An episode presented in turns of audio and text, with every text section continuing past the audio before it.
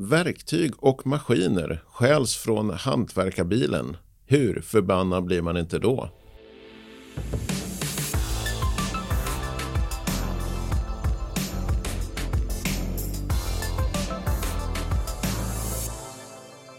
Inbrott i bilar och stöld av maskiner i bilar. Det ska vi prata om i det här avsnittet av VVS-podden. Jag heter Fredrik Karlsson och med mig har jag en lite småsur rörmokare från Nytorps Rör som heter Natalia Strandberg. Stämmer det att du är lite småsur? Jag är bra sur, ja. Och det var ingenting jämfört med eh, hur du reagerade när det väl eh, inträffade då? Nej, upptäckten eh, när jag kommer ut i bilen, eh, gjorde, jag var arg så jag skakade ja. Vi får berätta för lyssnarna här då, för det är ju så att vi pratar om detta just för att du har råkat ut för ett eh, inbrott i bilen och det är ju någonting som vi vet att eh, många andra råkar ut för också. V vad var det som hände? Jag hade bilen stående på min parkering som den brukar stå och eh, under natten så har man tagit sig in med en skruvmejsel och länsat hela skåpet på verktyg och maskiner. Aj. Har du någon aning om eh, värdet på det som blev stulet? Nej, jag har inte gjort någon beräkning än via en lista vad det skulle kosta att köpa in igen. Nej, men vad, vad var det för eh, typ av maskiner? Allt du behöver? Allt jag behöver för att ha vanligt arbete. Det är både proppmaskin, skruvdragare, tigersåg, eh, det är handverktyg, batteriladdare, extra batterier, ja, allt egentligen som används dagligen. Ah, det låter lite jobbigt det där.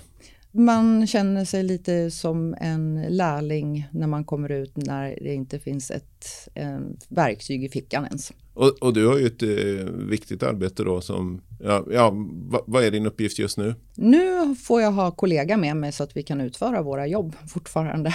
Men du jobbar så som ledande montör kan vi säga på Nytorpsrör ja. och eh, ja. är ju van att sen många år har varit självgående. Ja, jag är inte riktigt van att behöva be om att låna en hammare eller en skiftnyckel eller en skruvmejsel eller någonting överhuvudtaget. Det brukar finnas med mig. Nu har jag ingenting. Det är ju rätt färskt det här, men du har inte hunnit att köpa på dig nya grejer då? Allting ligger fortfarande på försäkringssidan än så länge, så att det är under utredning. Så får se vad, vad jag får. Eh, jag förstår att det är surt. Men det här är då sättet som du kan utföra ditt arbete på nu då? Att det är med hjälp av en kollega? Ja, vi har jobb som är med eh, tvåmansjobb ändå. Så att, eh, det, mm. Men det blir ju det att eh, istället för att köra från två håll så blir det ett håll och sen så får den andra måtta istället. Man, man får göra lite förenkla helt enkelt alltihopa. Var det hemma då i den Stockholms eh, förort där du bor som den stod? Stod den på gatan, bilen? Eller? Nej, den står faktiskt mitt emellan eh, fastigheter så att det, jag tror att när sladdvindan och min skruvlåda trillade ner så blev de kanske skrämda för att det var det enda som var kvar och det låter lite grann när man tar dem. Det skramlar till. Och, och du vet inte någonting mer om en skruvmejsel och det skedde eh, sent gissar jag då? Ja, klockan 11 när jag tittade ut så lös ingenting utan allting var svart på parkeringsplatsen och eh, på morgonen när jag ska ut till bilen eller egentligen sätta igång värmaren från köksfönstret så ser jag att det lyser men tänker att det är gatubelysningen som bara lyser in. Så att det är inte förrän jag kommer fram till bilen som jag ser att det är i mitt skåp eh, som det lyser helt enkelt. Det är påbyggnadsskåp så att jag ser via förarhytten att det lyser. Har du varit med om det förut?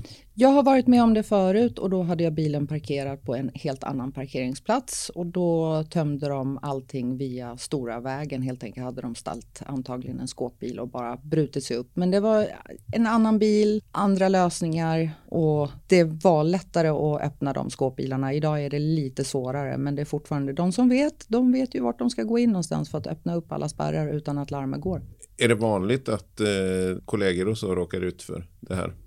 Tyvärr är det ju väldigt vanligt. Vi har haft eh, kollegor som har stått och försökt göra alla dessa stöldförebyggande eller stöldförhindrande eh, åtgärder och ändå tre, fyra gånger haft inbrott i sina bilar. Vad är det för åtgärder? Det är extra lås, det kopplar bort att man inte kan slå in sidorutan och öppna bak så att man kommer åt eh, baksidan för att lilla rutan är oftast inte larmad av någon konstig anledning fast de vet att det är skåpbilar och hantverksbilar. Ja, just de här extra låsen som säljs på många grossister extra monteras så att man inte kan blippa upp det, måste ha lås. Det, ligorna lär sig Sen kan man ju märka verktyg och sånt där också, stöldmärkning, men eh, det, det hade du inte Nej, nej, jag har inte haft det på mina, mer än att jag är duktig och flitig med att markera med pennor lite överallt. Det är både med namn eh, på konstiga ställen så att jag vet att det är mina verktyg lite grann för att vi kanske lånar varandras verktyg på arbetsplatsen och då kan jag gå runt och titta och så bara, du det där är mitt verktyg. Nej, jo då, det är min vita markering här. Det är mitt. liksom tillbaks. Ja. Så att, ja, så att, ja, jag är flitig med att markera alla mina verktyg. Men nu blir det ju bättre. Vi kommer få nya maskiner generellt på företaget, så då kommer det bli GPS på dem. Så då hoppas vi på att det kommer avskräcka tjuven lite.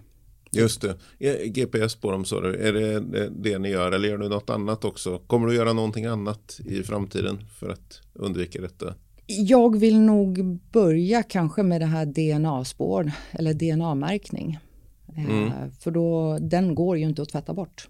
Just det vi får hoppas att det löser sig på något sätt. Det är kanske att hoppas för mycket och tro att man får tillbaka dem. Men eh, vi får väl hoppas ändå att du får eh, tillbaka pengar via försäkringsbolaget och eh, kan komma vidare. Ja, det som är mest maskiner går ju alltid att ersätta på sätt och vis. även om det är en stor kostnad. Men det är handverktygen som är jobbigast att ersätta. För man sparar ju på sig med åren.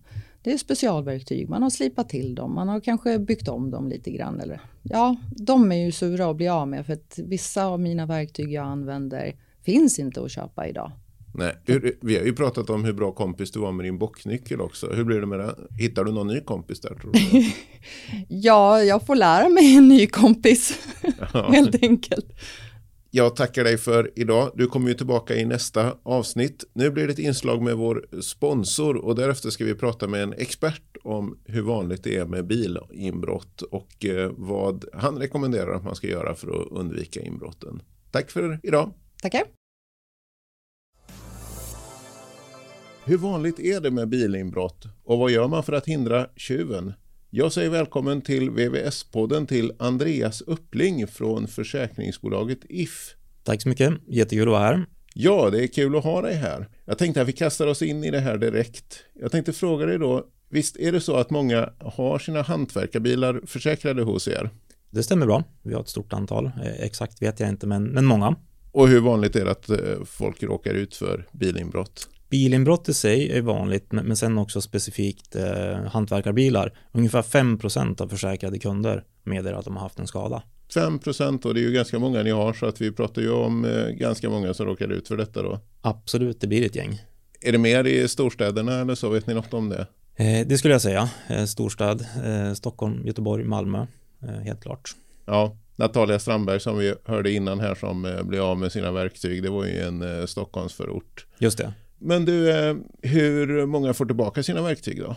Tyvärr väldigt få skulle jag säga. Eh, mycket som, som stjäls det är borta för evigt. Ja, hur räknar man sen då på försäkringsvärde för eh, Natalia Strandberg och alla andra som drabbas? De kommer ju att behöva köpa nya verktyg då och en del av hennes verktyg och maskiner var ju som det är för de flesta då, de, några år. Hur, hur räknar man på värde och så för det då? Precis, det finns ju specificerade avskrivningstabeller i, i det villkor till försäkringen man köper då. Så att eh, lite olika beroende på typ av maskin, verktyg, eh, så följer man en tabell. Tyvärr så skrivs det av ganska fort eh, eftersom att det används mycket i, i verksamhet och så. Men ja, det, blir, det är svårt att säga exakt, men, men man tittar på en tabell eh, för specifika verktyg. Eh. Ja, ja. Man, man, kan ju förstå att det är så, men samtidigt trist för den som köper en ny maskin för 10 000 och sen, ja, även om den inte är värd det så måste jag ju hosta upp 10 000 för att köpa en ny. Absolut, absolut. Och vi, vi försöker ju ha en, en, så korrekt bedömning som möjligt så att det ska bli så lite påverkan som möjligt. Eh, sen har man ju tyvärr en, en självrisk ofta på försäkringen som man också drabbas av så att det är ju aldrig kul att bli utsatt liksom. Vad rekommenderar du då att man gör för att inte drabbas. Om vi börjar med bilen, ja, larm är väl en eh, självklarhet då. Finns det något mer att göra?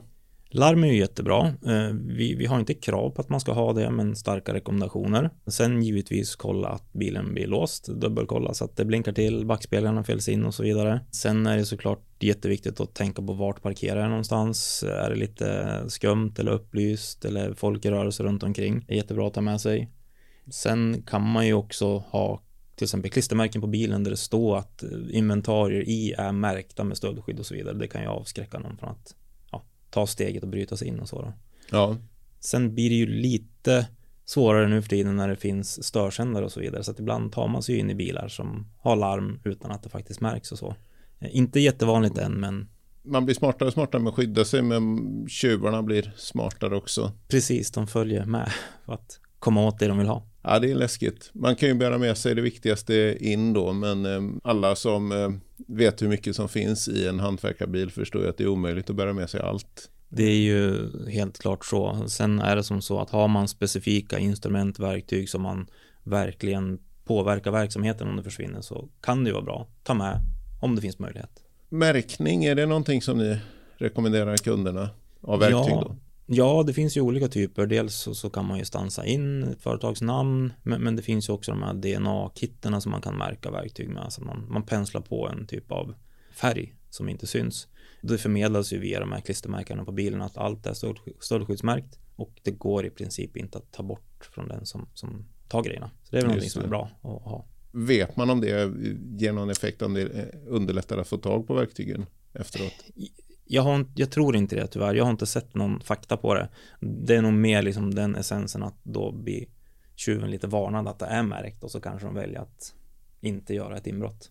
Får Just man hoppas. Ja. Det är mer den aspekten. Ja, så det är också viktigt då som du sa att man eh, på något sätt visar att man faktiskt har märkt sina verktyg med ja. klistermärke eller liknande. Jag tycker det. Annars eh, är det ju väldigt lätt att de bryter upp dörren eller tar sig in i alla fall och ändå ta med sig grejerna. Ja, som sagt, väldigt få saker återkommer till dess ägare, utan då kastar de hellre bort grejerna istället för att lämna tillbaka dem. Ja. Tyvärr är det lite så. Vet man något? Jag tänkte, du har ju följt eh, det här under några år i alla fall, så att vet man någonting om var verktyg och så hamnar? Eh, ja, alltså det skickas utomlands i vissa fall eh, till olika företagare i andra länder som behöver ha grejer det säljs, det används av företag här i Sverige eh, och ibland så är det inte det man är ute efter utan då kasseras det eller kastas bort eller läggs i något förråd någonstans bara. Och... Ja, är det professionella ligor och så som gör jag skulle, säga att en, jag skulle säga att det är en blandning. Eh, det är nog liksom någon som tar tillfället i akt och känner på sig att ja, här finns det säkert något värde som behöver ha snabba pengar. Man bryts in och tar Eh, men absolut att det finns de som specifikt kanske riktar in sig mot vissa verksamheter. Man vet att, ja men som sagt, det kanske är en VVS-are eller en snickare och tänker vad som finns i bilen och då riktar man in sig på just specifika maskiner, verktyg som är lite mer värdefulla eller svårare att få tag på. Är det någonting annat som du vill förmedla till eh, hantverkarna då? Från försäkringsbranschen här, någonting som man ska tänka på? Ja, men absolut. Det är väl mycket det vi har pratat om redan, men, men, men jag slår ändå ett slag för just att eh, se till att ha larm på bilen och eh, dubbelkolla gärna att man verkligen låser när man, när man lämnar bilen. Och eh, låt helst inte bilen stå för länge utan tillsyn. Det är också någonting som gör att det är lättare att ta sig in. Ja, men jättebra. Tack till dig, Andreas Uppling, för att du gästade VVS-podden. Tack till min sidekick Natalia Strandberg och jag hoppas att du får egna verktyg snart igen så att du kan gå för full maskin. Tack till vår sponsor och inte minst tack till dig som har lyssnat. Hej hej!